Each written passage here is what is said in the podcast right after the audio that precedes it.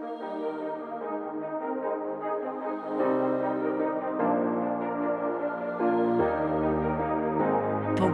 za ljubezen. Podcast inštituta Integrum.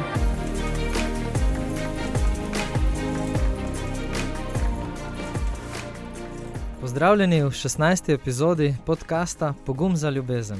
Danes je moja gostja, sestra Andreja Godnič, uršulinka, ki rodno prihaja iz Krasa. Po izobrazbi je teologinja, po srcu, pa po besedah njene redovne sestre, v nerazdružljivi navezi, poleg Jezusa, sveto Angelo in sveto Marijo od človečenja. Ampak se razume, da je v ekipi še en cel kup drugih svetnikov. Citiram: Z njo se lahko pogovarjaš o čemkoli, še posebej pa o vseh najbolj temeljnih človeških stvarih. V največjem dreku ti pomaga najti, prepoznati odtise Božjega. Seveda, ne na zadnje, misionarka tam, kjer je, trenutno v Sloveniji, sicer pa v Peruju ali v Venezueli. Andreja, iskrena hvala za tvoj čas, za pripravljenost, eh, za odgovor, za prosojnost in za trenutke, ki jih živiš, kolikor se le da polno. Dobrodošla. Mm, Hvala lepa. V tej predstavitvi se mi zdi, da je osvetljen samo en delček tega, kdo si, kar si. Bi pa bil hvaležen, ker za razliko od prejšnjih gostov te osebno poznam, vsaj po merjenju časovnih enot z človeškega vidika, zelo kratek čas. In eh, če lahko dodaš kakšno besedo za poslušalce, ki se ti zdi dobro, da jo poznajo, da vedo o tebi, kar izvoli. Ja, jaz čutim samo ena stvar, če moram povedati prav jasno, drugače sem krašovka. Če se kaj dotakne, ali pa pri tem, kar se mi dva pogovarjava, ali pa kakorkoli, če se kaj dotakne, to pole ni Andreja Godnič. Če se kaj dotakne v kakšnem smislu. Če kaj poslušajo, pa reče, kako je to lepo povedala. Ne? Jaz Aha. Mislim, da to mora biti zelo jasno, da to nisem jaz, to ni Andreja Godnič. Jaz navadno slama, ne, platimo prazno slamo, ampak če se kaj dotakne, ali pa če se kaj zgodi, če se kaj nekaj povemo, res kaj pomaga, ali pa raz, razloži, ali pa če mogoče. Ja, se dotakne, da to je delovanje ne, nekoga drugega, to ni Andreja. Spravi, izvir je nekje drugje, ampak ja. Ja. Jaz sem si samo, pa tista, ki prevaja Jaz sem, doskrat. jaz sem Google Translator. Ja? Tako da vsakeč, če se kaj tako, nekoga kaj dotakne, lepo vse prosim, poslušalce, obljubite mi, da boste direkt naslovili tistemu, ki mu gre. Je to Jezus, je to Sveti Duh, ali je to nebeški oče, je to Janez Pavel II, ali je to Svetogorska mati Božja. Andreja je samo Google Translator. Prst, ki kaže naprej. Hvala za to uh, obrazložitev. Ja, Ampak, ja, a, je- je- je kaj o, o tem prstu še fajn, da vemo, oziroma o prevajalniku? Ne, ne. Je dovolj. Andreja, v našem podkastu želimo spregovoriti iskreno, celostno, pričevansko, tako kot vidimo, tako kot iščemo v življenju, o odnosih, o telesu, o spolnosti, o tem, kako iščemo v bistvu ljubezen v tem svetu, kako jo doživljamo, kaj nam to predstavlja v življenju. Kaj je kakšna prva tvoja misel, ko o teh temah te nekdo vpraša, ali pa ko, ko vidiš nekje kakšen napis povezan s tem, kakšen odnos, kakšno situacijo. Kaj je tisto, kar ti najpogosteje, na kar te najpogosteje asociirajo te stvari? Le, kako zelo misli na te. Če jaz kaj vidim na to temo, zmeraj rečem, Jezus, malej, si center. Ne veš, kaj oče, malej, kako te so te lačni, ne. Ali pa rečem, Milina, zakaj ne? Zakaj ne prideš, le, kako so, so te sestradani. Ker so oni trije. Vse to je, to je hardware za njih tri. Spravi prav smerokaz do Boga, do jedra. Mm, Ne, jaz Izvora? mislim, da je lih obratno. Aha. Obratno v smislu, Mi smo, mi smo blagovna znamka, mi smo otroci njegovi. Ti, ki vidiš, jaz sem videla v, v Mariboru otročke na, na gimnaziji Antona Martina, ne, jaz poznam starše. In pa sem gledala učke in je rekla Romana, ja, ja, to je od Oblonška, ja, ja, to je od Stanke. To je. In jaz nisem nikoli videla teh otrok. Ampak imajo poteze svojih staršev in jaz poznam starše, ki smo rasli skupaj. Meni je tako srce razbijalo samo videti otroke, ker prepoznaš, da je to otrok od tvojega prijatelja ali tvoje prijateljice. In isto mi, mi smo otroci, mi smo, mi smo išli iz trojedine ljubezni. Mi imamo, poteze njega. Mi smo njegova podoba. In mi smo delo v nastajanju, ne? in procesu, ko se reče delo, v, kako rečemo po slovensko, in proces. Ja, v, izoblikovanju, v nastajanju, v procesu, vse po mojem, vse ja. razumljivo. Ja. Ni še zaključena zadeva. Ne? To pomeni, da vse to, kar je, če je Titanik, razumeš, to kaj govori, samo o, o eni ljubezni. Vse je, ker mi iz njega smo šli in se vračamo, in teh par 80 let ni nič, ne. ampak še vse diši. Pri tam malih še vse diši po njem, in, in ko ti gledaš enega uresničenega, moja sestra pri 80-ih, 85-ih, ki polno živi ljubezen, Tara mama, naša nona Marija, se jo spomnim, to je vse žarelo, ne, ke se vrača nazaj. Tudi ko govoriš o Južni Ameriki, o ljudeh tam, velikokrat pripoveduješ z žarom. Pa se mi zdi tako, katere stvari ali pa katera dojemanja čutiš, vidiš kot razlike morda na prvo žogo med, med tem razmišljanjem o telesu tukaj v Sloveniji, v Evropi, pa morda med ljudmi, kjer zadnja leta deluješ kot misijonarka. Če vidiš kakšne razlike ali pa kaj takega, kar opažaš, kar se lahko eni od drugega morda naučimo, navzamemo oziroma osvobodimo kakšnih morda stereotipov, predsodkov. Ja, jaz sem zdaj, drugače sem bila dvanajst let, ne, v Peruju, zdaj sem ene štiri leta sem tule v, v Venezueli. In moram priznati, tako da je, jaz si mislim pač Latinska Amerika, ne, to je tam, razumeš? To je isto, to je španščina, ima ni, ne. To je, in štiri leta ni nič, tako da niti ne razumem dosti, niti ne, mislim, poskušam, ne, to so leta, da padeš malo noter v... Ampak zanimivo, da vidim razliko, recimo, če mi rečemo, da jaz tule v Sloveniji, to zdaj, ke sem zdaj ta dva meseca, ne, mi smo bolj v glavi tule, ne, Evropa. Medtem ko v Peruju sem zmeraj doživljala, da smo dosti bolj bili v čustvih in da tisto je, mislim, posrkalo po, da tisto je, razumeš, to smo doživljali, ne. zdaj mi je pa zanimivo v Venezueli, ampak mogoče, da je zgrešeno moje opazovanje, ampak imam pa občutek, da smo pa dosti bolj v telesu. Jaz ne znam tega razložiti.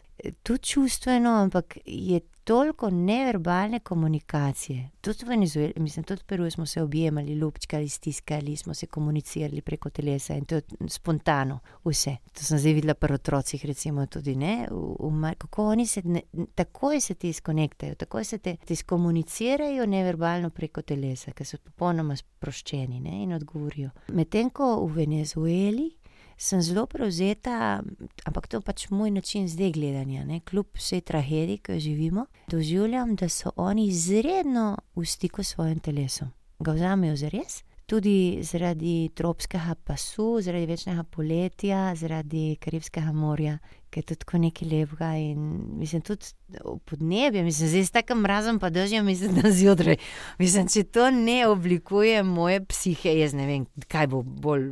Medtem ko tam imaš pa sonček, razumeš, in se zjutraj zbudiš, kifoma ima tisti sonček in tisto sinje plavo nebo in tisti okus, da je poletje. Mislim, veš, kako te to, in pol vse zeleno pa tisti cvetovi in drevesa, polna cvetja, živo rumeno, živo roza. Veš, kako te to, in so tudi ljudje izredno lepi. Tako da ta estetsko, lepotno, tudi vizualno, fizična, je mogoče smo bolj tam. In zdaj, če pogledam, če smo bolj v glavi, če smo bolj v čustvih, če smo bolj v telesu, seveda, da to imaš čisto drugačno razumevanje sebe, razumevanje sveta, razumevanje Boga, vsega. In tule meni vse to pomaga, se mi zdi, dosti bolj, razumeti, kdo smo kot ljudje, ker ni samo Peru in čustva, ni samo telo in, in, in, in filing, kaj rabim zdaj, ni samo moja analiza situacije in strateški plan. Smo vse. In šele ko je vse, je še manjka. To ni nič, mislim, to je par štirinajst let grem okoli, mislim, si predstavljaš, da bi bila v Aziji, da bi bila v Afriki, ke nimam pojma, da bi bila v Antarktiki, da bi bila, mislim, planet, bi bila cela galaksija, mislim, bi prišla mogoče malo blizu po ne vem kolikih tisočih letih, mogoče, zakaj nas je ustvaril, kakor nas je ustvaril in kako smo lepi, ne. Ampak mogoče, če mi dovoliš, ali prvič govorim? Ne, kar izvoli. Benjamin tako zna poslušati, tako da zdaj morava to nehati, Benjamin, ti vprašaj, jaz... On tako lepo posluša, on je pravi džentelmen. Danes mi je še prav marelo prinesel, nisem mogla verjeti, sem "Pa to še obstaja v Sloveniji?" Pravi oni, kako se reče džentelmen po slovensko? Kavalirji. evo, no, tudi to ni slovensko, ma dobro, nima veze, kavalir, ne, pravi kavalir z, z dežnikom. Daj rajši ti vprašaj. Ne, ampak se mi zdi to, da manjka, če smo že v glavi načrtovanju, v smeri individualizma, bi rekel, da se tudi sam v veliki meri učim poslušati. Ne samo na nivoju besed, ampak tega, kar si izpostavila, tudi čustev, telesa, tudi samega sebe, kot sva prej izpostavila, in tukaj zagotovo mi manjka in, verjetno vsem še precej korakov, da bi prišli na kakšno bolj zrelo področje ali pa zrelo pot, no. Jaz mislim, da je prav ta pot telesa, ne, ampak seveda v smislu zdrav, a ne to, da ti začneš neki kult, ne. To, kar vidimo tudi, je druga skrajnost, ker imaš dve skrajnosti. Ali v odnosu do telesa ga ni, sploh mislim, on pač mora funkcionirati, ker je moj mašina, razumeš, in jaz pač danes imam plan in ti boš pač to naredil zdaj. Mislim, da je to popolnoma, razumeš, da sploh nimamo, mislim, sploh ne čutim kot nekaj organskega, pač pa je neka mašina, ki mora funkcionirati. Ali pa da gremo v drugo skrajnost, razumeš, pa da začne se vrteti, pa oh, pa ah, pa sužnja, pa zdaj, razumeš, pa, pa tudi je druga skrajnost, ki pa ob, oboževanje, mislim, prav kult, telesa, pa, pa tudi bolano. Ne, in, in tle se mi zdi, meni je ena največjih izzivov tudi sodobne duhovnosti. In tle je res, druge kulture zelo pomagajo. Recimo, kaj, zakaj reče Jezus, ljubi svojega bližnjega, kako samega sebe? Kaj pomeni ljubiti samega sebe? Kdo? Jaz samostano, ne, 32 let. Kaj? A sem toliko sproščena, da se imam rada, pa da se nisem zavrtela okrog sebe. A sem toliko sproščena, da lahko pogledam učke moje sestre in rečem, rabim več zdaj spančkati. In potem, ko prije skušnjava in mi reče, si Lena, da se posmečkam in rečem, hvala Jezus. Le, kako so moje dobre sestre, ki mi rečejo, boš spala, si zmatrana. In ko mi prije skušnjava in mi reče, si Lena, moraš iti ne vem kaj, da jaz sem tako v stiku s sabo, da vem, da jaz rabim se zdaj zjutraj naspati. Ma jaz to lahko samo stanovi, ki imate dojenčke, ne moreš. ja, ampak razločevanje pa tudi pri nas, ne, se mi zdi. In tukaj res, če nismo v stiku z enim ali pa drugim delom tega, kar smo, je hitro težko razločiti, kaj je skušnjava, kaj je pa. Meni je strašno, recimo, kako dejansko nas ta črni ima tle, mislim, pod to je nekaj. Zna pritisniti, ne? Mislim, kako ti on to se razbohodi, pa ti na Juri, pa se dela frajer, kot da bo on tisti in dejansko mu posluš, ga poslušamo. Jaz vidim tle, kako imamo z Jezusom. Hvala Bogu, jaz sem samostalno. Mi imamo, imamo cel naš, našo strukturo, našo dinamiko je askeza. To pomeni, naš element, tako kot v pri družini, je, da vidva sta zavajene štiri otroke in razumeš, da potem imate ravnotežje med vama dvema, z njimi štirimi, plus potem služba, ne? pa družina, pa družba. Mi dejansko imamo znotraj naših ritmov, imamo askezo kot ključni element. To pomeni, da mi pač smo 24 ur na dan, imamo konstitutivni element, ki je dinamika askeze, ki je dejansko rezati moj ego, ki je trenirati mojo voljo in ki je živeti v polnosti ponižanje.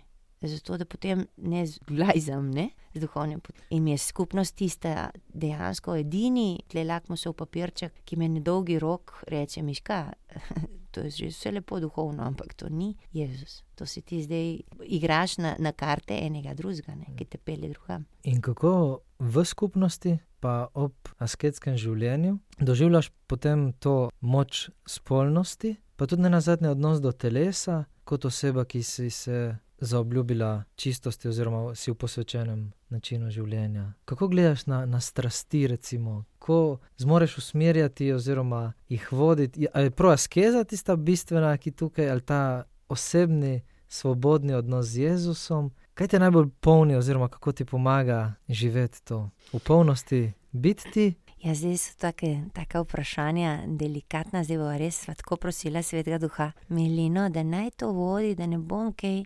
Ker to so delikatne stvari, ne? delikatna vprašanja. Ker eno je telo, moj odnos do telesa v smislu telesa kot Veš, kaj to so ti koncepti naši slovenski. Jaz, moraš razumeti, jaz imam zdaj že malo latinoameriški.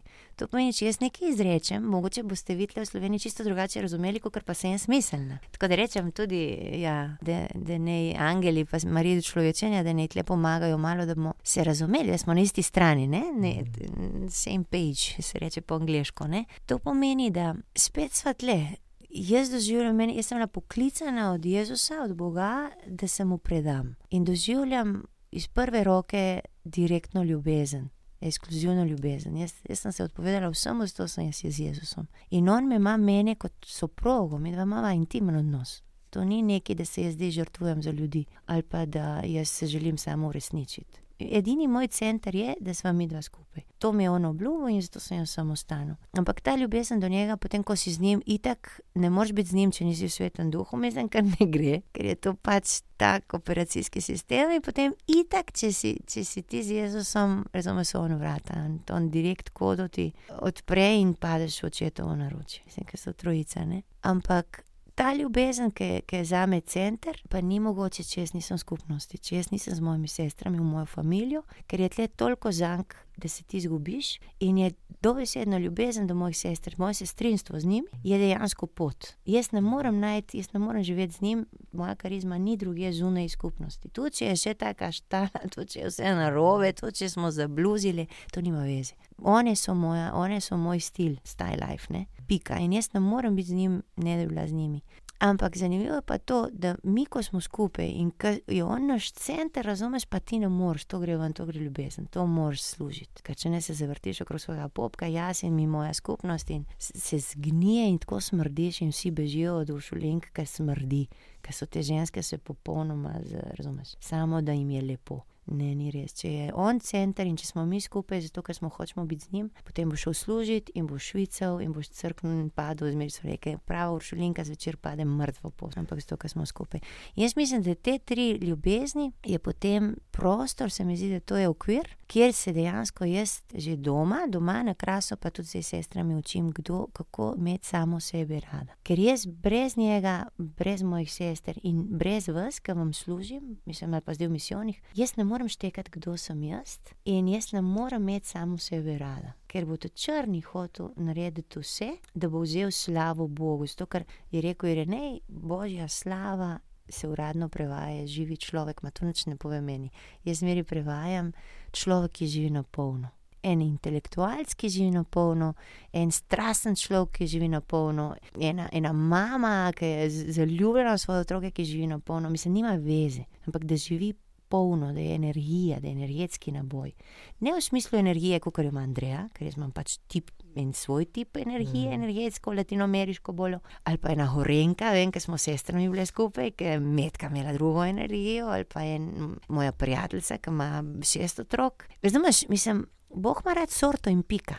In tle nimaš ti nekih šablon in pika. Mm. In kako potem se, zdaj sem tako grozno dolgo uvod naredila na tvoje vprašanje, kako pol jaz živim telo in kako jaz živim moja spolnost. Jaz, če nimam jasno tega predgovora, tega preambule, kdo sem jaz v resnici, potem tvoje vprašanje ne znam odgovoriti. Ne? Ker mhm. dejansko, če me ti meni vprašaš, če bi ti meni vprašal, ko sem le stara 20 let, isto vprašanje. Jaz bi rekel, jaz nimam pojma, ker jaz imam eno telo, jaz imam eno kemijo v sebi, jaz imam ene strasti v sebi in jaz sem kao nuna. In jaz nimam pojma, zakaj sem taka. In tudi moje sestre, mislim, tudi moje magistre, mislim, ni, nismo imeli pojma, kako je možno, da, bom jaz nuna, mislim, razumeš. In je bila taka muka, in jaz sem zmeri pravila na našem, ne, in pa te roblek me je spremljal celo moje življenje, razumeš, to smo drsali non-stop, ker jaz nisem imel pojma in meni je bilo groza. Jaz sem imel pred 20 letih občutek, moram lepo slovensko govoriti, rekotino.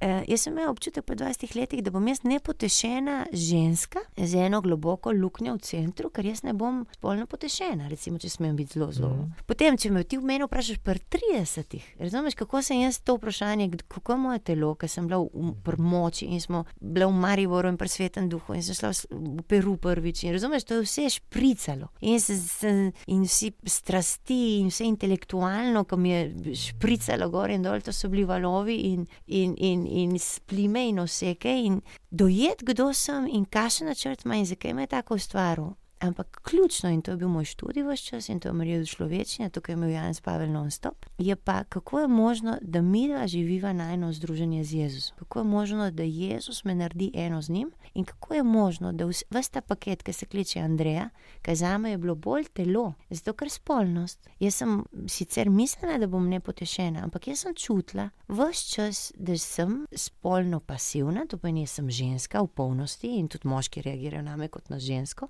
Ampak sem jaz tudi s pomočjo sestre Jakobine, sestre Vide, moj, moj vzgojitelj, ki so mi to dali za brt, pa smo študirali, pa smo se matrali in tudi s patrom Roblekom. Jaz sem dojela, da meni je zinštaliral ape, meni je zinštaliral karizmo, meni je dal moč, da ta lakota po združenju z njim je dosti bolj močna kot vse, kar jaz na telesni ravni doživljam.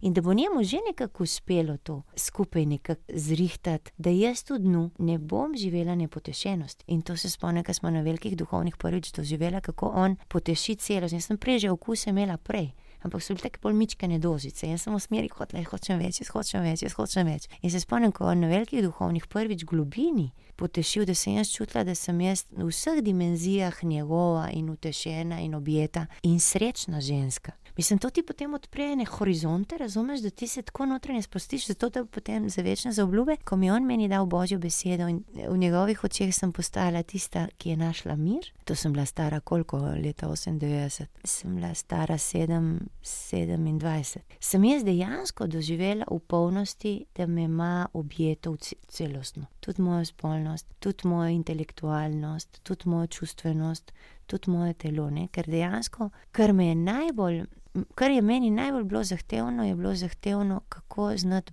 slišati svoje telo, ga vzeti za res in živeti pristno ljubezen do sebe, iz njegove ljubezni, zato da potem v miru lahko služim. Da se dam do konca, pa da, da je njemu slavo, ne zato, da se potem kompenziram ali pa da se mučim ali pa da se zatiram. Ne vem, zdaj sem predolga. Ne? Če pa ti meni vprašaš, pa 40, ko pa jaz začnem krizo srednjih let. Ali pa če to vprašanje zdaj vprašaš Andreja po 51, ti bom pa zdaj povedala, da doživljam po krizi slednjih let tako radost, ker dejansko telo je inštrument, glasbeni inštrument. Če so oni melodija, če so oni ljubezen, če so oni ena skladba, ki te tako napolni, da ti hočeš poslušati isto skladbo od tistega orkestra, tisti komat, Jenkins, Benediktus, spet ga poslušati. Mislim, kaj hočeš poslušati, ga daš v radio in ga daš na slušalke, ne? Jenkins, Benediktus. In ne moreš ga. Če je to ljubezen zapisano v našem telesu in da je telo ta inštrument, da ti si del orkestra in da ti igraš tisto čelo, in si ti, če je telo tvoje čelo. Je to čista ljubezen, ker vsi, verni, neverni, duhovniki, lajke, mamice, stare mame, zaslišijo melodijo, ki je v njih. In ti si čelo in gre skozi tvoje telo melodija ljubezni. In to je tako nekaj lepega. In ti, ko slišiš, da vibrira telo, In ti, ko slišiš, da je slava, gre direktno očetu, ker so oni zaznali, da je to dom, da grejo domov, da gremo vsi v to smer. To je nekaj tako lepega, da ti gre kar na jog. In potem rečeš, Jezus, jaz sem poganka, le kaj delam s tem tvojim inštrumentom. Ponovno reče, ti si tempelj, ti si inštrument, ti si tempelj svetega duha. In gre potem tudi ta razsežnost, spolna razsežnost, ki je spolnost, ki je pa dejansko dobesedno zapis krika, to je krik, to je živi krik po združitvi, ki je pa tako globinski in seveda jaz, ki sem njegova. In ko mi dva doživiva to združenje, mistično, jaz ne doživim nič, jaz nimam mm. pojma, kako to zgleda fizično, ker nimam nobenega izkušnja, ne? ker pač me je gospod obvaroval, kakršne koli nimam nobene fizične izkušnje, ničesar, kar naj bi bilo z nekom drugim v tem izrazu želje po združenju fizičnem. Ne?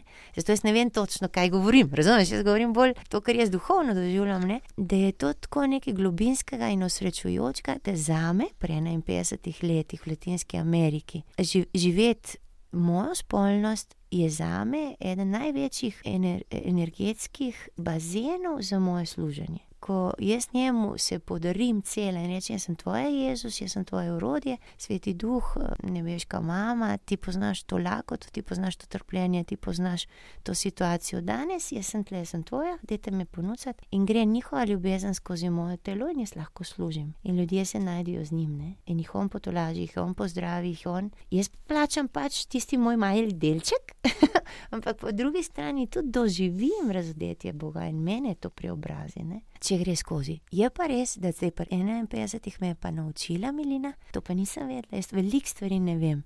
Veliko stvari nisem vedela in sem imela čisto zgrešene koncepte. In enkrat je počel film Jezusu, ki razumeš, sem tisti kontem, jezuiti, kontemplacija za dosego ljubezni, jaz tisto drsam in drsam in mi je meni tudi počel film, ker tam potem eh, me imaš, me ljubiš, ne, te imam rad, me ljubiš, ne, te imam rad. Mislim, pa pa Jezus reče, te, me imaš rad, ja, ti veš, da me te imam rad. Razumeš, ker ni, jaz nekaj ne, Jezus, jaz te ne imam rada, jaz te ljubim, jaz te ne morem imeti rada. Jaz imam rada mojo mamo, jaz imam rada mojo sestro, jaz tebe ne morem imeti jaz te ljubim. Ne? In tam je potem preklopilo in mu je končno uspelo, ker njemu počel film, je končno mu uspelo, da pove, da je kontemplacija za dosego ljubezni, jaz ne da jaz tiši mene in zahtevam od mene ljubezen. Pač pa če je v meni, jaz imam.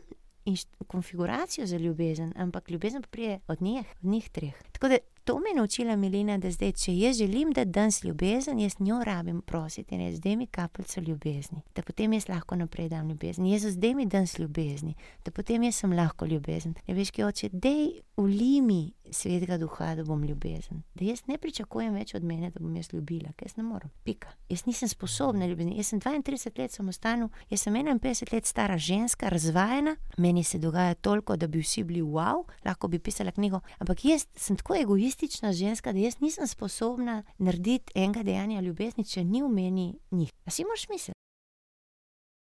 Eno vprašanje ob tem bi imel.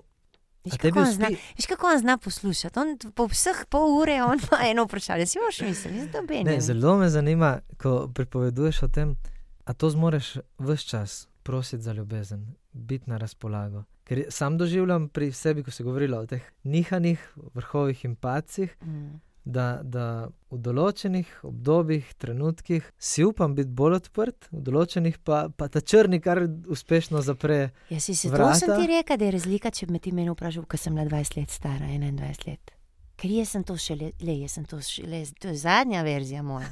Ne vem, veš, kaj imaš te version, ne? Ja, ja, posodobitev, Pika nič, ja, to je zadnja. Posodobitev 51. Ja, zdaj sem se pa odprta, tako da pa itak sem tako spremenjena, da to šele zdaj, zadnje leta po krizi srednjih let. Takrat meni je šlo popolnoma, cela na kanalizacija šla ven, ko sem jaz rabila doživeti, kdo sem jaz v resnici. Da jaz sem en kup greha, da jaz sem en kup drekca in to je to, in da to je ni nobena katastrofa. A veš, ker jaz sem, jaz sem nič, je reka Marija človečena, ampak narejen pa za vse. Šele ko jaz dejansko doživim mojo ničnost in grešnost in ko jaz mu rečem, to sem jaz, jaz tebe rabim, on se potem meni zgodi. To pomeni, da jaz to, kar si ti rekel, ja, kako popol prosiš ljubezen, jaz to šele zdaj delam. Zato, ker Venezuela bo mene zlomila, Venezuela je tako grozna. Jaz samo jočem, razumeš, kaj je tako hudo, jaz še v življenju nisem imel kaj tašnega v življenju. Mi smo, ne vem, jaz v Peru nikoli nisem doživela te tragedije, da ti prav uno zledenijo žile, da ti reže, čutiš prav uno rezilo skozi srce, mislim, se ti srce. Zaradi lomi. bolečine bližnjih. Mislim, to ljudje trpijo kot živine, to, nis, to ne moreš verjeti. To je diktatura, to je mučenje, to je lakota. In jaz sem šele, mene Venezuela je toliko sprešala, mislim, skrasam, imamo črno vino, ki prešaš v preši ali pa pršut, moraš da tu prešaš, razumeš, da bo pršut. Ne? E, Da te spreša, da ta tvoj ego napihnjen, ker je samo ego drugače. Ma to je samo ego, jaz 32 let sem nekaj Jezusa, kako ti to mora smrdeti, razumeš, da ti no to, da ne potočeš tega ego ta mojega dol. Razumeš, ker to, to se to samo rase, to, to je tako ono, se spomnim tiste snežne kepe, razumeš, ki ti rasejo tisti. In ego samo rase, mislim, to je nekaj groznega, ampak da pa ta situacija, ta preša Venezuele me toliko stisne, so potem konkretne situacije, kot ta črni me nabija, dej, dej, dej, mislim, kaj unije ledeno je klen, glas noter, črnega, ne, skušnjave, hudiča. Ko oni samo, da ti vzame slavo Bogu, da ti ne živiš polno, ne? in ti nabija stvari, ki sploh so sama laž in samo slepilo, vse veš, kakšen je. Ne, ampak, da, dej, dej, dej. In pa Milini pa mogoče včasih reče, boš prosila ali boš ti samo sebe napenjala. Spravi, na podlagi svobode ti to odločitev dopušča vse čas. Ampak važno je, da ti razumeš, da ti ne moreš imeti ljubezni. Vi starši, ma, mi ne moreš, ti ne moreš biti 24 ur svetnik. Vi že to, da toliko gagate, razumeš, toliko. Pa mi, moraš razumeti, sestre ali pa duhovniki, mi imamo kontrolo. Mi si zmenimo, da bo ta projekt tak pastoralni in ta projekt pastoralni je tak. Vi nimate nobene kontrole, ker ta drugi je čisto ono, razumeš, ta tretja je popolnoma brcana, ta četrti po korasi, razumeš, namesto bi hodil v maši, pobožno sedel v mazi. Vi nimate nobene kontrole, niti žena nima kontrole. ti imaš 24 ur na dan izven kontrole. To je razlika. In ko nimaš kontrole, ti imaš dve možnosti. Ali postaneš bolj trd. Bolj trd, ali pa pustiš bolj, da greš skozi, ne go with, go with the flow, ampak v pozitivnem smislu. V zaupanju in izročanju. Ja, ker Mm. smo pa odkr, odprta koda, mislim, skonfigurirani smo, operacijski sistem naš je tak, da je odprta koda. Je hoditi za njim. Mm. Ni pa Windows, ne zmeri rečem, isto se ne vem, kaj govorim, ampak ni statike. To, kar smo pa mi bili narejeni, mislim, vzgojeni v duhovnosti, da naša duhovnost je statika. To je. Je zrenhmaši, zakramenti so statika, morala je statika, tako pač je, to je prav, to je narobe. Razumeš? In od mene se pričakuje statiko, da bom jaz dober kristjan, da bom jaz zagovarjal moja ona, da jaz se nis, ne morem družiti s tistimi, ki niso kristjani, ker oni imajo druge poglede, mm. oni, mislim, grejo v spa, pa hodijo na kejtani, mislim, razumeš, in to ne gre, tako smo bili mi vzgojeni, ampak to ni to. A opaziš ta, ne vem, če je pravilno poimenovanje, to šti vedela, ampak janzenistični pridih eh, krščanskega pogleda tudi v Južni Ameriki, ali tam vseeno bolj svobodno, individualno ta odnos, eh, gradnja, ja, lastne poti z Jezusom na, na način, ki ga je zame si zamislil, bolj odprtega, ali je to splošno bilo prežeto v kulturi mal cerkve v preteklosti.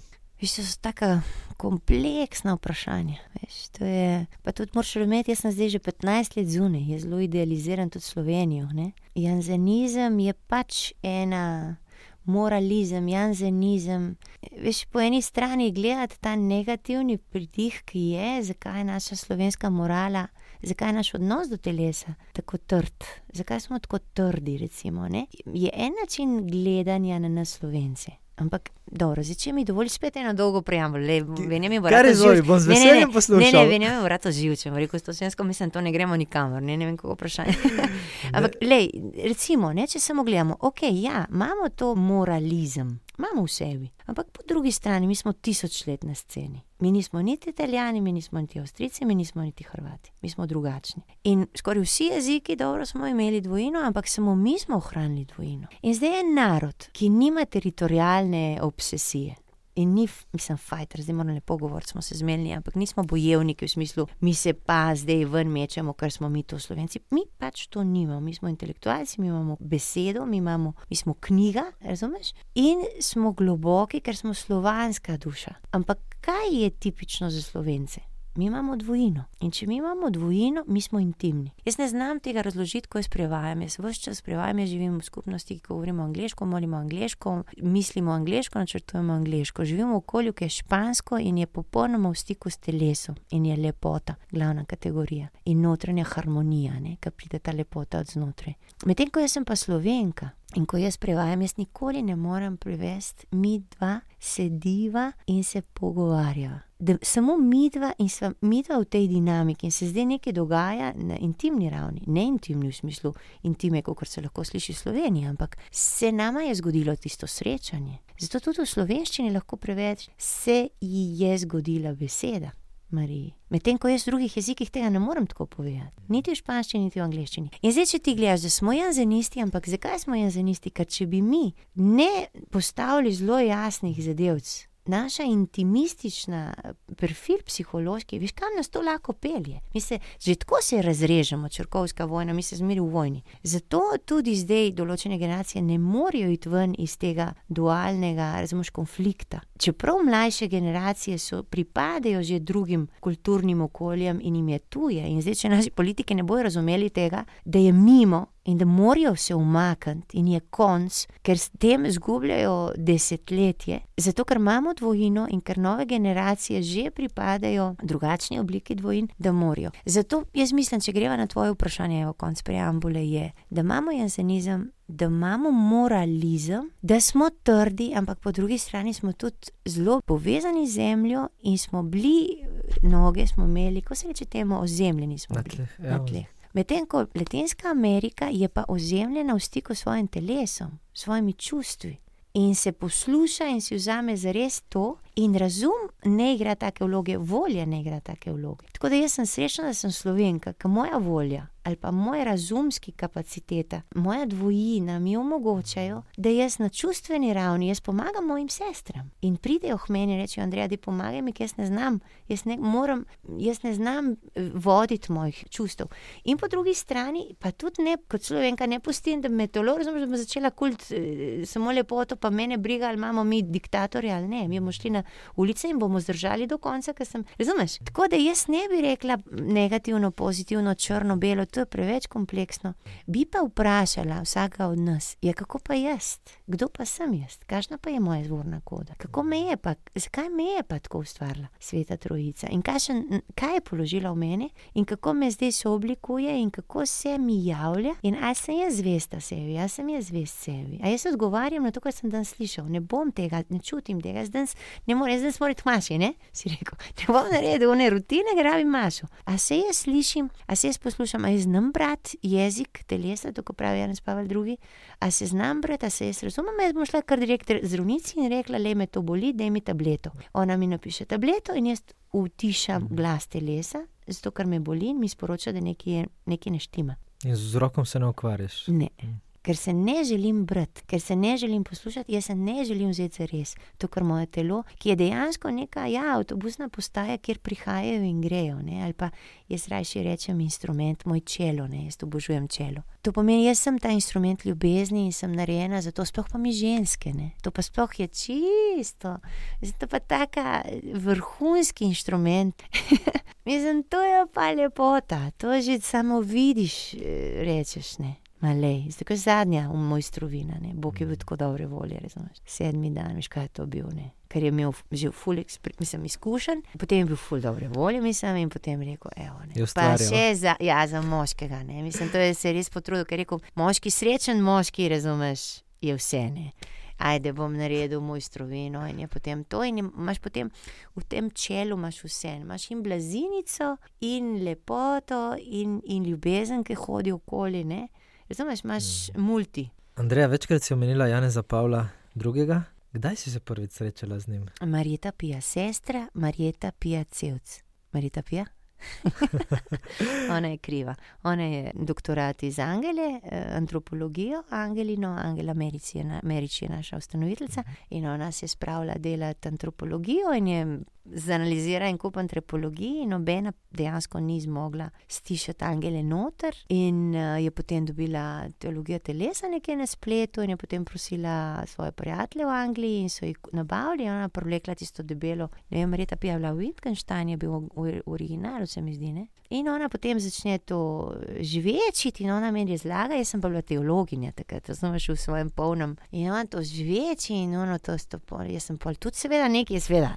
To smo bilo predebel, snežna je bila z nami, sestra snežna, smo bile skupaj v, v Mariboru, razumeš, to smo mi gulile, ona to žvečila. In jaz sem, jaz sem tam se prvič srečala s teologijo telesa Jana Zapala Druska. In potem te je vznemirila, ti je dala kakšen odgovor, vprašanje, da te je povleklo naprej. Jaz sem takrat še bila zelo, ja, teologinja zahodnih teologij, ker mi smo študirali večina zahodne teologije. Jaz mislim, ne vem, spomnim se, Marita Pija, ti se boš bolj spomnila. Jaz ne vem, sem jaz takrat delala magisterij ali sem delala potem magisterij, se ne spomnim. Jaz mislim, da sem takrat, ali sem že zaključila magisterij. Jaz sem za magisterij delala to, kar je Janez Pavel delal pri sebi. On je rabo videti, kako je možna mistična poroka. To pomeni, in njega in mene je zanimalo to, kako se zgodi združenje z Jezusom. Kako bom jaz v tem življenju že doživela združeno, misti, mistično združenje z Jezusom? Janez Pavel II., Karel Vojtiva, je za svoj doktorat delal, če, če se jaz prav spomnim, Janeza od križa, mistična poroka. Ne?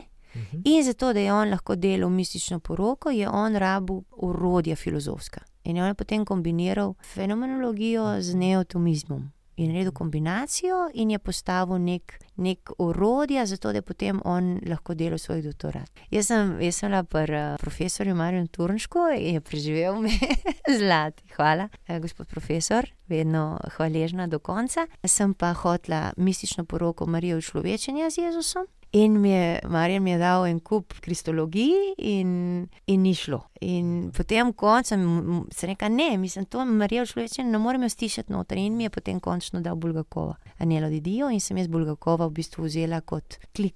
Medtem ko Marijeta Pija je pa hotela delati Angelino antropologijo in je ona skozi orodja Janeza Pavla, antropologijo Janeza Pavla, lahko ujela to veliki, veličino Angele Merič in njeno antropologijo. To pomeni, je odvisno, kakšno orodje vzameš. Seveda, moja orodja zahodne teologije ni funkcionirala, sem morala iti pravoslavno, kjer ni, ne gre za statične kategorije, pač pa za dokso, gre za slavljenje, gre za poboženje. To je znano, to je lastno eh, pravoslavni teologiji in je dinamični koncept svetega duha. In jaz sem skozi tiska, skozi tisto orodje lahko izrekla, kaj se dogaja reči človečanja. Medtem ko Janez Pavel, zdaj sem šla vse na dolgo in na široko, ampak samo zato, da razumemo, kako je odvisno, kje z katerega konca vstopiš. Kaj se zgodi? Ko Janez Pavel dela teologijo telesa, on uporablja pač kategorije.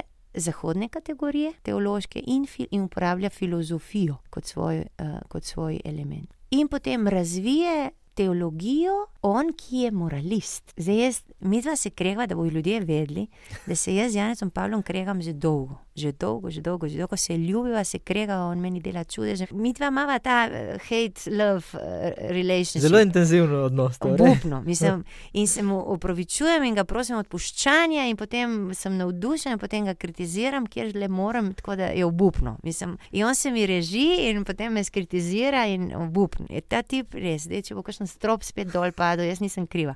Ampak zato, ker sem jezna na en in sem navdušena nad njim, zato, ker on je z, z, pri teologiji telesa, jaz sem bila fascinirana nad konceptom uh, tega, kar je on poskušal preseči, dualizem. Ker se popolnoma strinjam z njim, ker mi moramo iti na uno stran in ne moramo več govoriti, to je grdo, to je lepo. To ni črno, to ne moramo pasti v, v dialektiko, je konc tega. In on je to probo narediti s teologijo telesa. Je rekel, ni dialektike, gre za to, da telo je dejansko instrument, orodje, ki ima podobo darila. Pika. In jaz sem to prebrala, meni je to Marjeta Pija razložila, jaz sem bila fascinirana. Ker jaz sem tudi tako osebno doživela, da je telo je darilo nekoga, ki te ljubi. In je to telo dejansko blagovna znamka. In celotna njegova antropologija v bistvu na tem daru temelji.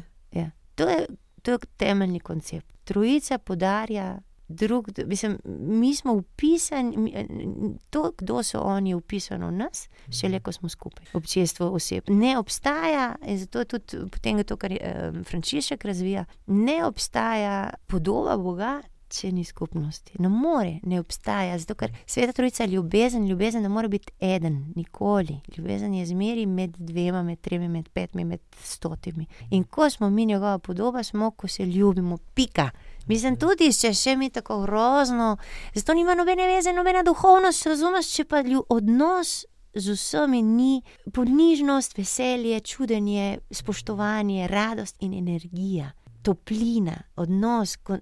Mislim, nima veze, nobena duhovna, ne more biti krščanskega Boga, če ti še tako lepo govoriš in pridgaš in si strašen neki guru duhovni, medtem ko v odnosu do os... tistega tvojega kroga ne rasteš ljubezni, ne rasteš ponižnosti, ne rasteš v čudenju, ne rasteš v spoštovanju in da ne vse cveti okoli tebe, če ni občestvo. Razmišljamo.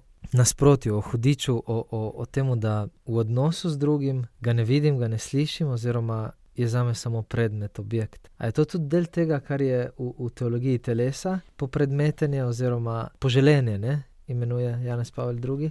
No, tam, evo, to si zdaj točno zadev, hostno se reče po kraško. Zdaj, Benjamin Tomačič, hostno. Ja, to razumejo, hostniti. Jaz, jaz razumem. Primorc, veš, kako se reče slovensko hostno? Je hostno. Ho, veš, prav zveni, prav hostne, zbode, zabode. zbode On ja. je zbode, sliši to slovensko, a ni grozljiv, kad zb. To ne more znati, moje španske, niti one ne morete izreči. Zbodel je, on je hostno noter, z enim špičastim predmetom je hostno. V glavni problem, ki imamo mi dva z mojim dragim Janezom Pavljem II. In zdaj prosim svetega duha, da ne bi kakšne neumnosti govorili. Jaz ne vem, če bo ljudje to razumeli. Poslušajte, vsi, ki to poslušate, jim rečete, da je pa kaj je to. Dajte polje poklicati, uh, mislim, Benjamina Tomažiča in rečete, pa dej, kaj je to ženska zabluzila. Zdaj, moje sestre, prosim, odpuščanja za vse škandale. Zdaj spet preambule, ne predgovor. Kar se mi dva krega z Janezom Pavlom je to, zakaj on naredi fundament, zakaj postavi temelje, ki so fantastični in se jaz popolnoma strinjam. To pomeni trojica. Ljubezen, najbližje izkustvo svete trojice je ljubezen dveh zakoncev, poročenih v cerkvi. In zakrament svetega zakona se zgodi šele, ko se ona dva fizično združite. To je najbližje temu, kar je analogija. To ni, da je to to. To ni sveta trojica, ampak izkustvo, ki imate vidva zakonca, jaz nimam tega, duhovniki nimajo tega, samske nimamo tega, ali pa vi, samo vi, ki ste se podarili dokončno, zavedno, izključno, imate to izkustvo, da mogoče se včasih zgodi, ali pa vedno, da ko se vidva fizično, duhovno, čustveno, celostno podarita.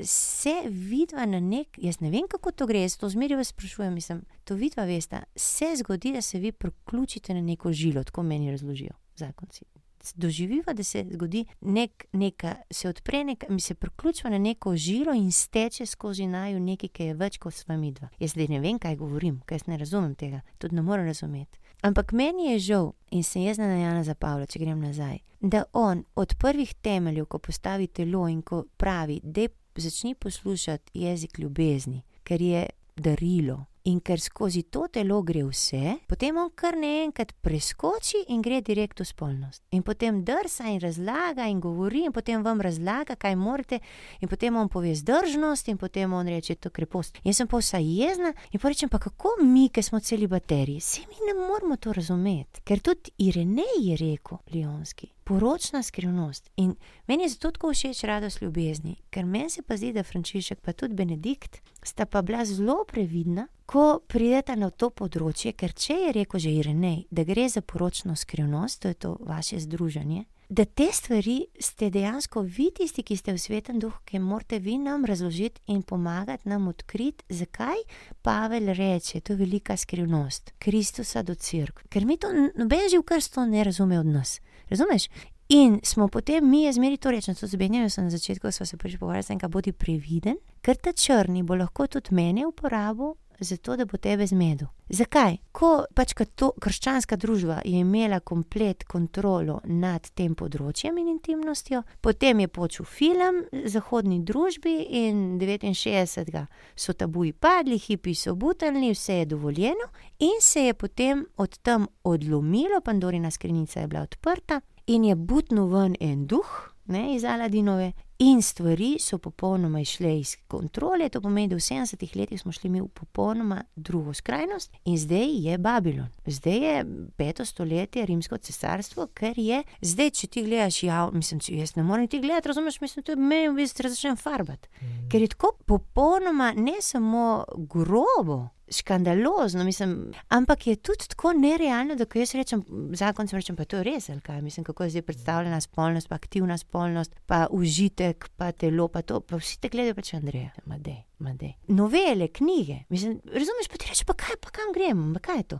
To je to naš prvi svet. Ne? In to je jasno dokaz, da v 70-ih letih je hudič, butno sem, dobil, konkistiral komplet cel teritorij in zdaj on lepo dobesedno jaha tega konja in si lahko prvošči vse. Zato, ko ti mene vprašaš, ja, kako pa zdaj to vidiš, Jana za Pavla, jaz tudi ne vem, če on, kaj pa kaj si tam pol, pa sem se prav sprav, Maja, to me je sprovocirala in Marko, razumeš, jaz sem pol rekel, ok, Maja, grem jaz to še enkrat, brat sem si je spet mojega Wittgensteina ven zvlekla in sem jaz začela spet vse to študirati in se neka, pa daj, mislim, to je tako teološko abstraktno zatežil, sem vse čas rekel, sem kaj eno spavil. Glih me pripelješ, da mi boš zdaj dal en tips, ne vem, kako se reče po slovensko, en, en navdih, en ja. namik, pa mi zfrčneš, razumeš, ti si mi abstraktno, nov teološki pojem, nov abstraktni teološki. Zdaj se ti opravičujem, ker jaz na integrimu, škif, mislim, ška, ko se reče temu šimfam. Iskreno govoriš, pa razlagaš stvari, o katerih nismo še govorili. Opravičujem vsem integrum, uh, oboževalcem, vsem, ki berete teologijo, jaz sem globoko to pričenja z Pavlom, so samo, ker snima niti pojma, kaj govorim. Ampak jaz kot teologinja, Meni je tako zahmalno, pa pa grem v Westa. West je pa američan, jaz pa živim z američankami. In rečem Westu, ne mi ti po svoje ameriško, pa je zlati. Mm. In for the beginning, mislim, je dober.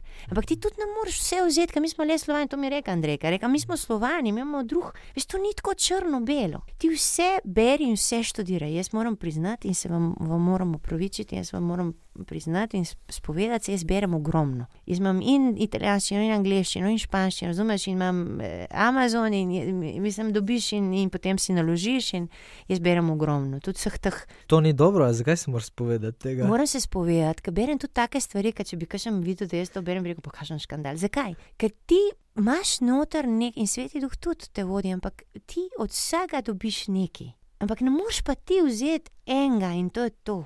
Mm. Razumeš, ker smo tako različni in Bog ljubi sorto. In vidva, izmeri pravim, vidva sta si podarila zakramen svetega zakona. Edino vidva ima tako do originalno, vajnega zakona. In eden je interpretator, ki je sveta trojica, ker vaju ustvarila in vaju pošilja v svet k ljudem, sta misionarja. Ne zato, da je fajn tlem naši župni, mislim, konc je tega. Ampak zato, da vidva gre sta ven, ker Frančišek pa non-stop to ponavlja, radost ljubezni. Par, ki se ljubi, je najbližje temu, kar je Bog in Božja ljubezen. Zato imate vi tako blazno, zato pa hudič bo šel in vaju bo razklav, in vaju bo zmatral, in vaju bo izčrpal, in vam ne bo dal užitka, in vam bo dopovedal, da užitek je greh. In razumeš, in vaju bo tam na juru, tako da jaz ne morem reči, reči kako je možno, Jezus, da dopustiš, da uni tako svinja to lepoto, to besedno se spet opričujem, kako to govorim. Ne vem, jaz ne znam, ne vem, če mi.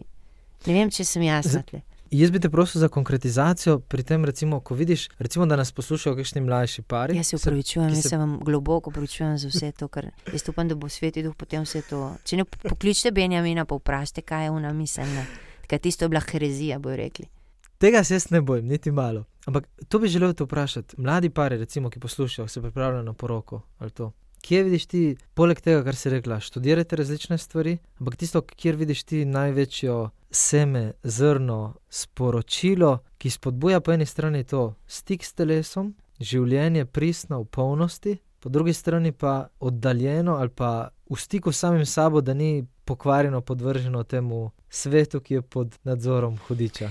Jaz bi tako rekla, ampak veš, to je spet težko za vas, da vam govori nekdo, ki nima, jaz na tem področju nimam nič izkušenj, ampak mogoče to, kar spremljam, pa kar sem z ljudmi ali pa zdaj, ker sem v Latinski Ameriki ali pa to, kar študiram. Jaz bi tako rekla, naš sever ostaja in je crkva. Crkva je tista, ki pluje, ker smo Kristusovo telo in pika. Lej, v 2000 letih mi brcamo, imamo take enake papeže, imamo tako enake magisterije, imamo vse svašta, vse tudi mi tako, ampak naš sever, naša zvezda, severnica je crkva in je nauk crkve. Če crkva pravi, da je ljubezen dveh v zakramentu svetega zakona, da, je, da tudi če se še tako ljubita in da crkva pravi, da rabta zakrament svetega zakona, da rabta software. To je za me in jaz v to verjamem, da je to sever. To je sever. Mi dva sva lahko južno, zahodno, spodaj koordinate, ne vem kje. Mi dva sva lahko na severu, levo, desno, spodaj, sicer ni tako, kot kar. Mi dva sva lahko ne vem kje, ampak mi dva veva, ki je sever. Če crkva reče, in to je bilo grozljivka, če bereš zgodbo, kako je v bistvu in kako še zmeri gre, je grozno, vse v zvezi s kontracepcijo. Tudi če me še tako provocira, tudi če mi dva, tudi zdaj rabva, zdaj bom škandal rekla. V smislu, veva, kje je sever. Ampak rabva pa, če je to sever, da ne kontracepcija, ker crkva ve, kar je mama, da mora biti v vaju dveh nekaj, kar je položil taki ljubi, ki je izvir ljubezni in v katerem gremo nazaj in hoče, da ima ta vidva orgazem poln. To je zato, ker je to najbližje temu, kar je on, on hoče, da sta vidva v njem in pika in to je to. Če pa ta črni reče, ne užitek, ne greh, razumeš, to je, da je ta črni in pika. Kako pa bova midva, ali zdaj na začetku, ali prej, ali potem, ali po 40 letih poroke, jaz ne vem, prišla bližje severu in bova rekla, seveda, zdaj razumeva. Tako kot jaz, ko si me ti meni vprašal, pred 21, 31, 41, 51, je drugače. Zaupajte severu, potem pa bo ta do konca zahtevna in kritična. In razumta, da naš slovenski prostor, ker imamo dvojino, je tako mičken, je tako lep, je tako nekaj žlahtnega, ampak ni za dosti. Da vidva rabta drugo perspektivo, da vidva rabta iti na YouTube, da vidva rabta brati druge knjige, ripta, da boste potem kot dva slovenca, slovenci in slovenka, zaživela v polnosti. Ampak da West vaju ne more razumeti, ker nima dvojine, pa je čudovit, mislim, jaz ga obožujem tega tipa in njegovo ženo. Ampak rabimo to zakaj?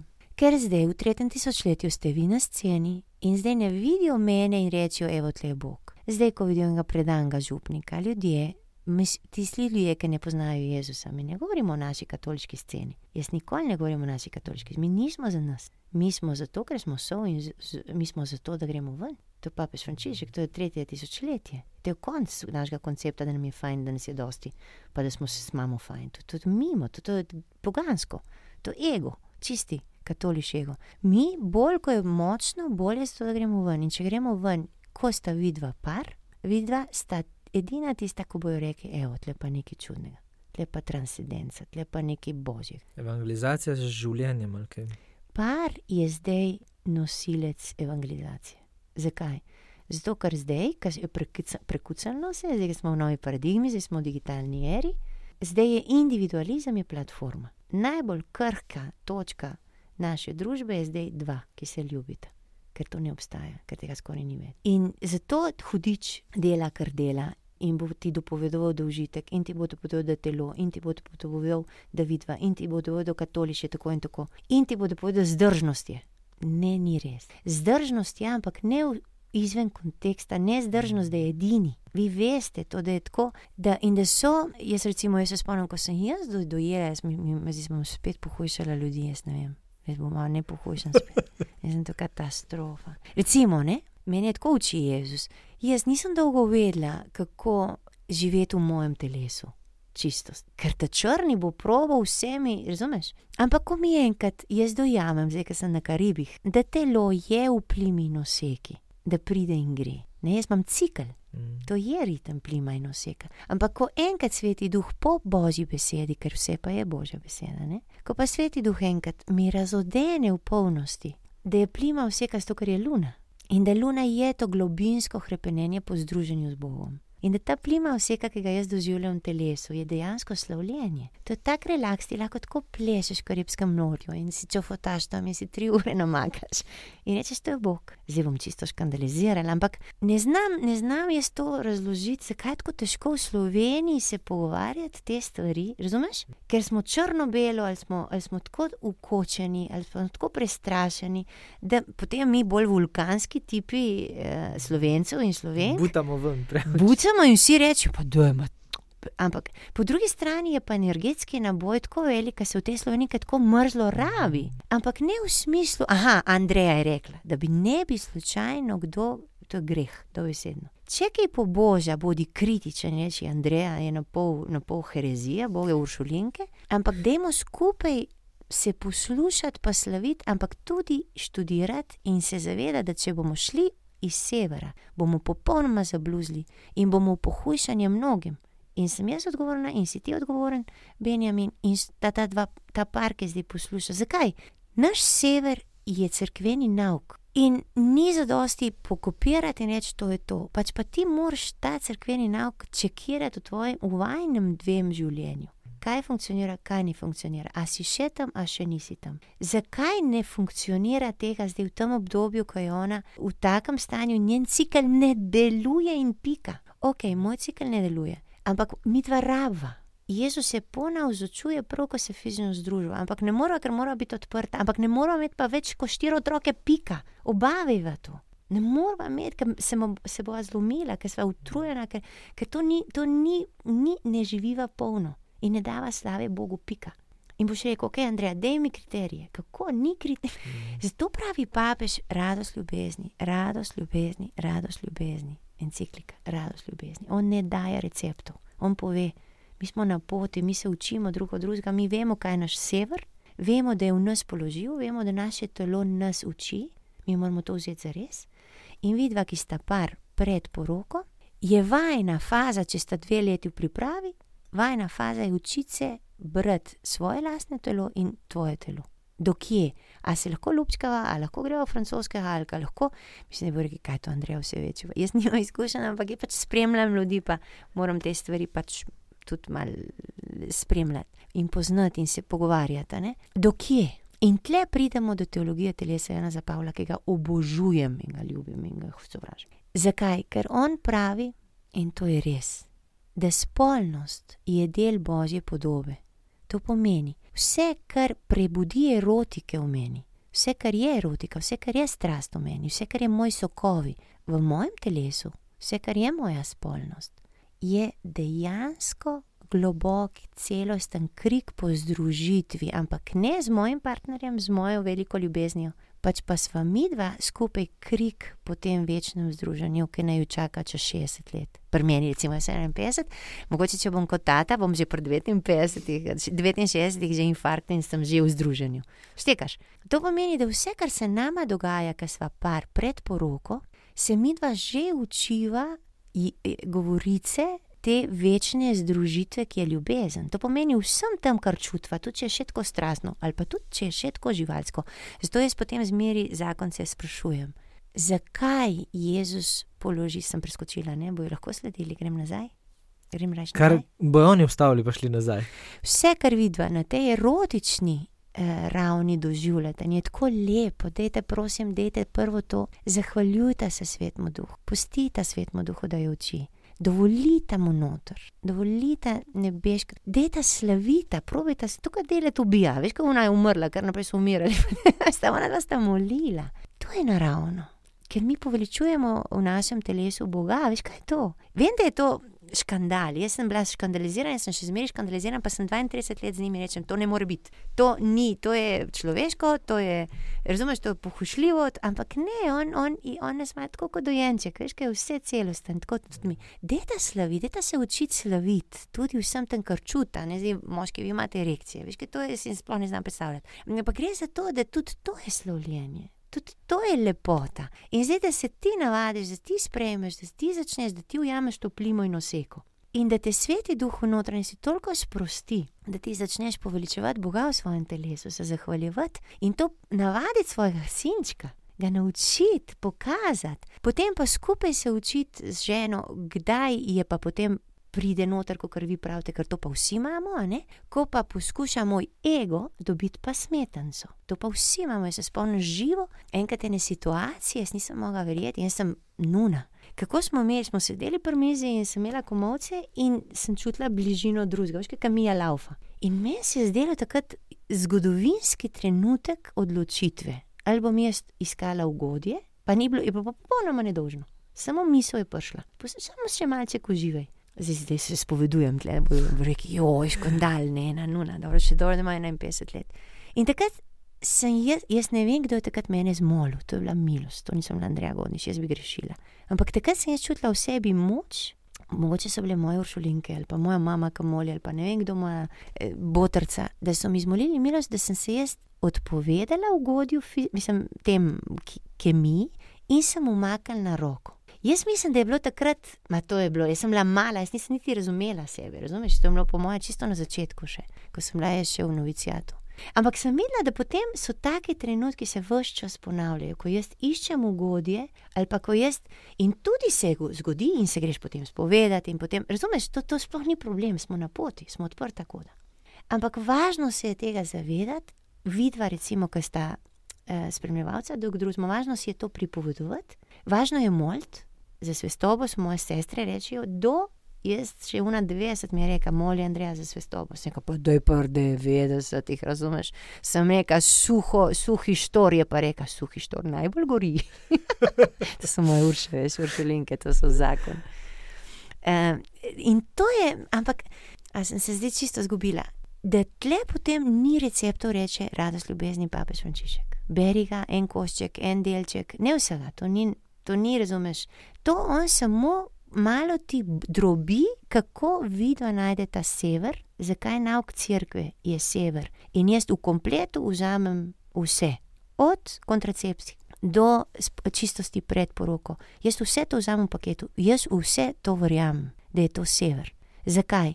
Ker vem in vidim, da je erotičnost, sploh pa zdaj v tej družbi, tako intenzivna, da ti tebe to popolnoma zapolni in pika. Zato, če vidva začnete aktivno biti spolna naprej, to te tako nasiti, tako ti da lažen feeling, da sta na isti frekvenci, da, da boš samo lebdel in lahko lebdiš tu tri leta in to fake. Zato rabiš ti se boriti, zakaj? Ker tako, kot se zdaj te tri leta pred poroko borita, vidva že v bistvu si zinštalirate uh, vse um, fitnese noter. Ker vi veste, da rabite ogromno, mislim, kako se reče fitness? Kaj je to že? Fitness je tudi. Mislim, kako mi bi prevedli vaje, mislim, trening, ti trening. rabiš trening. -hmm. In vam pravim, da te zivajo vsi moji žaljeni, ki so tako zlat slovenski prevod naredili, ampak pejte vedno prevajati prva korinčana devet na koncu. Tako zatirajte svoje telo, pejte pogledati druge prevode in boste jezi nočem kritizirati naših slovenskih prevajalcev, ki so naredili eno ogromen delo, ko so prevedli slovenščino, ampak boste videli, da tam prva korinčana devet ni zatiraj svojega telesa, pa, pa, pač pa discipliniraj svoje telo, kaj čist nekaj drugega. In ne reče v originalu, da boš dal ga v služnost, pač pa da, kako že pravi um, originalen prevod. To pomeni, da ti ujameš ritem, ne moreš kopirati svojega brata, svojega soseda, svojega prijatelja, ker si ti drugačen. In tudi ne pozabi, da če si ti zdaj po porodu, in še dojiš, si drugačna, kot pa zdaj, ki si že po krizi srednjih let. Ker po krizi srednjih let sicer naš hormonski sistem se, se zelo spremeni, ampak boš ti zdaj doživljala spolnost čisto na drug način, ker si ti popolnoma svobodna. In da se te lahko mož ustraši, mislim, ker on pa ima druge hormonske sisteme. Mislim, da je tako nekaj lepega, da mi rabimo te stvari študirati, da razumeš in rečeš, da ja, je normalno, a si koliko si stara, toliko, a ja, normalno, da je zdaj to tako in tako. Zelo me nagovarja s tem študijem in raziskovanjem in, in različnostjo. Prosim. Ampak vidim, sam pri sebi vidim, da mi ogromno pomeni to, kar imamo zdaj in to, kar imamo z pari, ki, ki lahko ustvarjamo nek varen prostor. Super. Me zanima, kaj si misliš o tem. No? Je to ti dalo, ker izpostavlja si ful močnih vsebin, tudi učenje crkve. A vidiš tudi kakšen doprinos v tem, v odnosu z bližnjimi, v, v, v skupnostih, malih občestvih, ki. Jaz mislim, da je to ključno. Da je to ključno. Zakaj? Prej smo bili navajeni in bili smo vzgojeni, da pač ti mama in tata razložista, tako pač je. Ne? Meni je pač mama razložila, ne, ne moreš imeti spolnih odnosov pred in tako je. In ti si pol to funkcioniral, mislim, tako je pač bilo. Tudi če sem še tako zaljubljena, sem vedela, ne morem, ker nisem še srečala pravega, jaz bom edina za en in pika. Medtem ko zdaj moji nečaki živijo čisto druga realnost. In ni zadosti, da, doma, da jim doma samo razložijo, kako je in jim to ubijajo v glavo. Zakaj? Zato, ker se znajdejo v toliko situacijah, da ni zadosti vedeti, kaj je prav. Oni rabijo imeti moč notranjo, svetega duha, Jezusovo navzočnost, delovanje svetega duha, predvsem pa živo božjo besedo, kjer bo v trenutku, ko bo vedel, da ne v tisto smer, ko bo vedela, da ne v tisto smer, bo našla notranjo moč in bo rekla Jezusu, dej. To je razlika. Poleg tega je pa toliko situacij in to je radost ljubezni, to je papa Frančišek, opapež Frančišek, da vse čas odpira, da naša realnost je štala. Jezusova realnost je štala. Učenci od Jezusa so katastrofa. Naš naraven scenarij je katastrofa. Ne obstajajo idealne družine, ne obstajajo idealni zakonci, ne obstajajo idealne uh, priprave na zakon, ne obstajajo idealni župniki, ne obstajajo idealne sestre. Tega ne obstaja, če si pravi katoliš. Vse ta napor, uh, da se delamo popolne in so lepe slike, se zvone, ker sem moja prijateljica, ne bom povedala, kdo, da bi dobili tisto lepo sliko idealne družinice, je rekel Andreja, ha kar pove, koliko cajta smo bili gor, ker v resnici. In sem si mislila, zakaj ne bi v naši družini dali slikc, ko je reality, ko je umazano, ko se uno popaca, ko una dva se skrega, tako uni. Ne bom tega jedel, zakaj ni teh slik? Zakaj ne pustimo resnici v pogled v oči in reči, to smo mi, to je naša reality, to ni šov. Zakaj? Zato, ker tam je lažje potem najti moč, ker božji besedi vidiš, da je identično. Ker cela božja beseda je to, ta realnost, kreganja in, in ne gre tako, in, in razočarano, in ta otrok, ki si mislil, da bo tako šel v to smer. Pa da on, ki toliko si, si ga zaljubljeno gledala, razumeš, zdaj, ki ti pride zjutraj, ono škifo, totalni. Zakaj ne damo teh slik? In potem prepoznati v tej. To, kar piše papež Frančišek o radosti ljubezni na začetku, te preproste, drobne, vsakdanje radosti, samo to, da oni grejo, razumeš, ven iz kuhinje, pustijo dizaster za sabo, mi dva se spogledava, ona me pogleda, vsa skušnja in mi da ljubčka. Zakaj ne uživati to? In to reče v radosti ljubezni, to je naš, to je naš, to je naša vsebina, to je naš dan. In potem zvečer, vsi skupaj reč temu, zjutraj smo si dali lupčka, to se zahvaljujemo, to malo bo reklo, da sta mamica in ati ne vem kaj. Razumeš, to so drobčke, ne malčke, to je začetek radosti ljubezni, če bereš. Navadna, vsakdanja situacija, štala, ne nočem si prizadeti, no me štala, meni je tako lepo, mi smo tudi doma, imamo štalo, ne. Ampak veseliti se tega in prepoznati v, z besedo čez dan, kje je danes Jezus v tej, v tem, kako bi rekli mi, v tej. Se štale, kar dober izraz. Nočem prizadeti, ker štale so, veš, ko so štale v Sloveniji urejene in čiste. Ja, vem, vem. Je, robotizirane doskrat in to. To ni štale. Ne, ne vem, kako bi, kakšen izraz bi videli mislim, kao, ne vem, ni kao, veš, kako je bilo prav nered, ima tudi ni nered, ne vem, kaj ste vsi tako urejeni, pa čisti, pa ne vem kaj. No, kakorkoli že v tej, tej, v tej škifu, rečemo mi na primorce, evo, zdaj ne bom mega prizadela, škifu od dneva, prepoznati preko božje besede, ki jo dan zjutraj prebereva, ko se zbudiva in se dava lupčka in tako naprej, prebereva in rečeva, ok. Kako se bo ta božja beseda zgodila, da kje bo prepoznala to situacijo? In kje boš ti se pojavil, Jezus? Ne zato, da bova mi dva rekla, mi dva se moramo napet in biti taka, fajn zakonca, pa taka, fajn ne vem kaj. Ne? Pač pa bova tebi prepustila, da se zgodiš v nama. Spravi bova inštrument, skozi katerega bo glasba lahko zaigrala. Nisva mi dva tista, ki bova Jezus ampak mi dva se bova postavila v odnos do Jezusa in mu bova rekla: prosim, bova rekla: ne morem, bova rekla: želim si, bova rekla: odpusti mi, bova rekla: se jočem, bova raztrla. To je pa popolnoma drug, drug, drug, drug, drug, druga dinamika dneva. Mi dva ne bova pričakovala, da najdova popolna zakonca. To je razlika. Zato se jaz skregam z Janezom Pavlom, ker on to nastavi, da sva dar. Ko pa potem gre v drugi del in začne on praktično to razvijati, njegova moralistična pride na plan. Vse, če ven se tvori, ker Ja. mi to ne vemo, kako to zgleda. In mi, tudi on je bil sicer ful v stiku, mislim, zelo v stiku s telesom, ampak ima pa karizmo celibaterja, je imel v polnosti razvito. In jaz imam tudi eh, mojo, jaz imam mojo zaobljubo čistosti, ki je v polnosti karizma, in jaz ne vem, kako je. Ko mi tam neki, razumeš, meni mm. -hmm. funkcionira moj, moj softver drugače in njemu je funkcioniral njegov softver kot celibaterju drugače. Morda tudi Frančišku, zato malo bolj južnoameriško ta pridih uh, odnosa, odprtosti tukaj. On, na, pri nas v Latinski Ameriki mi imamo duhovnost, mi, nimamo, mi ne uporabljamo filozofskih kategorij, da bi razložili Boga. V Latinski Ameriki se ne razlaga Boga s filozofijo, S čim pa s primeri? Ali? ampak je to je narativni, je narativni pristop k teologiji, zato tle kritizirajo in rečejo, to je pastorala. Ne? Rečejo nekateri, to ni teologija. Ker ne razumemo, da so, uh, Bog ljubi sorto in da vsaka psihologija, vsaka kultura ne, izreka Boga na svoj način. Slovani izrekamo drugače kot zahodnjaki. Sploh če imamo še dvojino, ne? Eh, Je pa mučno, če pa ti greš hvirom slovanskim, interpretiraš jih pa na zahodni eh, statični koncept. Potem se pa tam zgodi nekaj, dobro, nima veze. Medtem ko latinoameričani pa vse te abstraktne, racionalne kategorije oni ne razumejo, ker nimajo toliko kapacitet intelekta. Imajo. Jaz sem bila z Guterrezom, on je imel dva čip, čit, čipa noter, on je in meni se je smejal, on je bil car, mislim, on je še živno. Mi dva, mi sva se uživala, ker on je preklapljal, recimo, ko je imel predavanje, on je preklapljal, ker vsi zahodni teologi so njegovi prijatelji. In on je zmeri preklapljal in mene pogledal in je rekel: Zahodna teologija razloži to tako, mi v Latinske Amerike in je preklopil na latinoameriški čip. Jaz sem uživala. In metal bombe in mine in eksplodirale, jaz, jaz sem uživala z Gutierrezom, zdaj te, evo, spet uh, oklepaj. Oklepaj. Ja. On je recimo tak teolog, ki on preklaplja dva čipa, latinoameriško teologijo, ki je narativna, in ki ima za izhodišče ne filozofsko kategorijo, recimo, ki jo uporablja ta in ta filozof, pač pa evangelij. Pika. Narativna, kaj pomeni to? To pa po- povabi tle Mil, eh, Maksimilija Škofa, Maksimilijana Matjaža. Ne? Mi smo imeli. Ampak v dveh besedah, preden pride.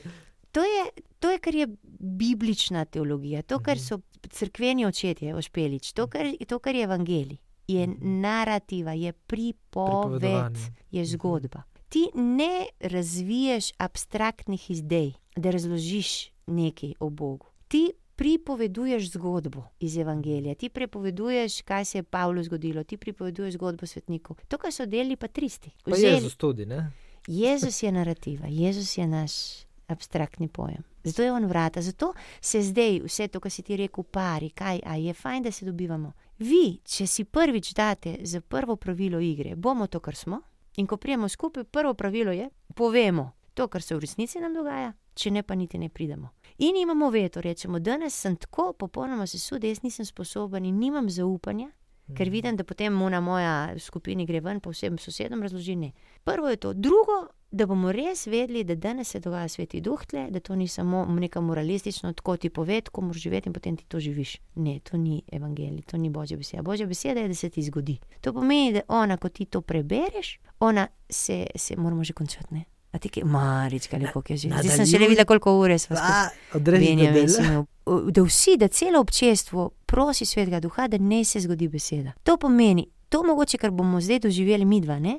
Da mogoče je pa kdaj Milini le uspelo priti skozi to najno pogovarjanje, da se je nekaj noter sprostilo, zgodilo, pobožalo, napolnilo z energijo, z veseljem, z radostjo, da mi šlo vse za učke in se nekaj, to je Bog, to je moj Bog, tega jaz tako doživljam in bomo, in ti boš vedel, Benjamin, in jaz bom vedela, da to nisva bila midva. Naj razum, naš, kako to obvladava, kako sva mi dva to in- imenitna. Ne, da mi dva sva bila ta čelo, da se je zgodila neka melodija, ki tudi že igra v njih. In da sta vaša skupina dejansko je ta orkester, ki špila. Ampak ne zato, da se imate vi fajn, da ste danes imeli koncert, pač pa ti ti ljudje, ki hodijo na koncerte na katoliške cerkve in župnije, doživijo napolnjene baterije, ko grejo domov. Pika. In pridijo in oni, in oni, in oni, in oni. Radost ljubezni, vsi. In oni, ki so izgubljeni, oni, ki nimajo severa, oni, ki ne verjamejo v sever, oni, ki kritizirajo sever, oni, ki nimajo pojma, da smo na, na, na poti. Vsi rabijo to melodijo, ki nosijo v sebi, ki je ljubezen, ki je sveta trojica, prepoznati v nekom, ki špila, ki je čelo in ki, ki izvede to, to božansko melodijo nebeške ljubezni, pride zraven in reče: Benjamin, pa kako je možno, kako je možno, da vidiva? In rečeš, lej, jaz sem štala od sta, jaz sem, razumeš, kifo, ampak. Lej, sem pa doživel in doživljam, in danes smo doživeli v naši skupini. In kaj se bo zgodilo, ko se začne in pustite milini svetmu duhu, da zelaufa in začne beseda biti živa in se dogajati, se potem vse začne premikati, in potem smo pa odprta koda. Po je pa hudo, po pa izgubiš kontrolo, po gre pa vse dol, pol pa razumeš tisti naši koncepti mentalni, začnejo Padejo. se lomiti, pol si v zgrožen, pol si pohujšan, rečeš pa to, mislim, je katastrofa. Se moraš celostno prepustiti. pol. To je katastrofa, to ne gre nikam. Sva prišla do točke, draga moja žena, dragi moj mož, to, to, to, je, to ni, ne, razumeš, to niti ne vem, kje smo, tudi ne razumem. To. In potem se ti začnejo dogajati situacije, kot so se dogajale situacije Petru, kot so se dogajale situacije Judu, kot so se dogajale situacije Mariji, kot so se dogajale situacije Pavlu, unmu slepemu, unmu eh, Herodu. Boš enkrat ta, enkrat oni, enkrat oni. In zmeri bo isto vprašanje. Veruješ? To smo imeli zdaj z Matejem. Veruješ? In ti boš šel, boš joko in boš rekel: Jaz rečem, le jaz sem 32 let z njimi, rečem Jezus. Nimam ver. Jezus, jaz sem poganka, veš, jaz pri 51 doživljam, ker rečem Jezusu, a si ti prepričan, da si to še ti, ker se mi zdi tak škandal od našega Boga. Bog, krščanski Bog je tak škandal, tak škandal, da jaz po 32 let z njim, jaz se škandaliziram, meni že dve leti dajo besedo, blago mu, kdor se ne pohujša nad sinom človekovim. Dve leti mi dajo to besedo. In, in če moram vprašati, zdaj vse vi, ki poslušate, in to zmeri, ko vprašam, če se vrnemo k najni temi, ne, ki je telo. Zakaj Gospod, ko določi edini zakrament, ki ni individualistični, sedem zakramentov, šest zakramentov so individualističnih, ki se podarijo eni osebi od nekoga drugega. Samo en zakrament je, kjer sta oba potrebna, kjer ni, ne more biti individualizma. In da tam ni služabnika, ki bi podaril, ker sta vidva drug drugemu, dejansko eh, ministra zakramenta. Kako je možno, da Sveta Trojica določi, da se bo zgodilo ponavzočanje te ljubezni Boga, prav ko gre za fizični stik? Dajte mi, dajte mi to odgovoriti. Ker od tega vprašanja je odvisno tretje tisočletje krščanske cerkve, naše cerkve, misijonske cerkve, ko je ta grozno temno, temna tema tega popolnega, perverznega, brez kompasa, kjer se toliko grozne škode in, in, in, in bolečine in ran dogaja in našim otrokom, in našim mladostnikom, in našim mladim, in našim starim, in našim upokojencem. Če vidva, če vidva pustita Gospodu, da vaju to, um, da vaju to uvede in bosta vidva priklopljena na žilo, da bo, da bo vsa ta telesna razsežnost, vse to, kar vidva služita, delujeta, švicata, uživata, se veselita, se matrata, se, se ranita, da bo vse to postalo dejansko tempelj in čelo, bosta potem vidva nam, sestram in duhovnikom in, la, in, in, in samskim, znala razložiti, kako Jezus ljubi svoje 2022 in to mi zdaj rabimo. Sem zakomplicirala. Ne, mislim, da se dala eno vprašanje, ki nas bo spremljalo še dosti časa. Hvala, Andreja. Pa bi te samo v zaključku povabil Dej, še en mu reči hvala. njim. Ja. Ja. Upam in verjamem, da sva uspela delček biti prevodna tudi za nje. Pa morda sam, imaš še kaj takega, kar ti leži na srcu, kar bi želela, da slišijo? Radost, radost, radost, radost, radost. Ko čelo poje, ko čelo doživi, da je zvesto temu, kar je. Ko, ko, ko najdeš v določenem trenutku tvojega življenja nek, neko trenutek, ko čutiš, da v polnosti si zvest temu, za kar si bila ustvarjena. In sploh pa vi, ki imate ta Bluetooth, te, rečem jaz, ne, to, Povezavo. Ja, vi, vi, vi sta eno meso, to pomeni, da imata vidva vzpostavljen Bluetooth 24 ur, veš, to jaz niti ne razumem, kako to gre. Ampak ko vidva poznata telo samega sebe in vidva poznata telo drug drugega in se pazite, se, se skrbite, drug, se, si rečete, pa le, le kaj ti govori, dej spoštuj to, bo- vzemi za res. In ko vidva doživita to, tudi jaz, ko jaz doživim v združenju z Jezusom to radost in vem, da polno, živim na polno. Ne zato, ker sem jaz uresničeno srečna ženska pri 51, z vsem grehom in z vso. in z vso ampak zato, ker je Bog slavljen. In ko sem jaz, ko jaz doživim ta trenutek, ne samo to, da sem jaz srečna zaradi Gospoda, nebesa imajo žur. Moj tata, pokojni skače, moje sestre, razumeš, radujejo. Jezus pogleda nebeškega očeta, nebeški oče pogleda Marijo, Marija se posmečka, razumeš? To je, to je happening. Ampak tudi tisti, ki je ob meni, dobi energijo. Zakaj? Ker se zgodi žila, ne rečete vi zakonci. In samo to je važno.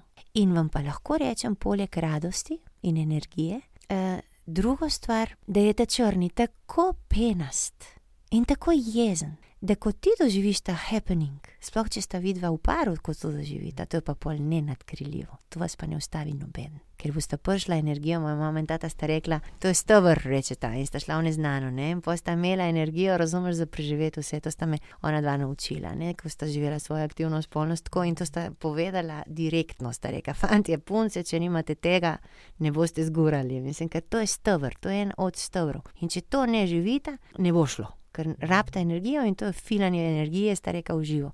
Ampak ne samo na spolnem področju, na celostnem področju, ko se zgodi žila, ko se vidva na filata, ko sta vidva to, kar sta.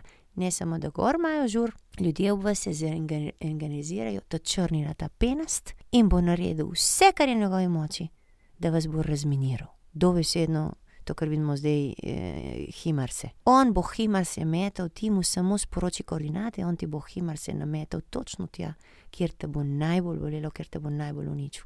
A se reče himars? Misliš rakete? Ja, zračne? one, one, ki so prav točno lahko do centimetra. Vodene, Ja, ja, ja, do himars, ne? verjetno. V bistvu ne vem. Si stalno berem himars, zdaj so 19 himarsov dobili. ste. To, radost in priprav se, ker bo bitka. In bo šel do dna, peti do dna, veseli se. E, Andreja, res hvala. Pokličite Benjamina, zdaj karkoli in se v globoko samo opravičujem. Andreja. res pohujšala komu. Res res hvala za tvoj čas, za tvojo radost, ki jo deliš z nami, za to, da si inštrument, ki, prek katerega lahko prisluhnemo glasbi, temu nebeškemu ja, odzvanjanju, v bistvu ljubezni, že v teh naših življenjih, tukaj in sedaj. In obilo blagoslova. No. Naj, naj tudi tebe ta uh, misel uh, spremlja, da živiš to radost vedno bolj polno in da se pripravljaš, ker verjetno so tudi pred tabo, glede na poslanstvo, dragocene, močne, pomembne bitke. Hvala, Andreja, res Vsem, vsem pa srečno. z Bogom.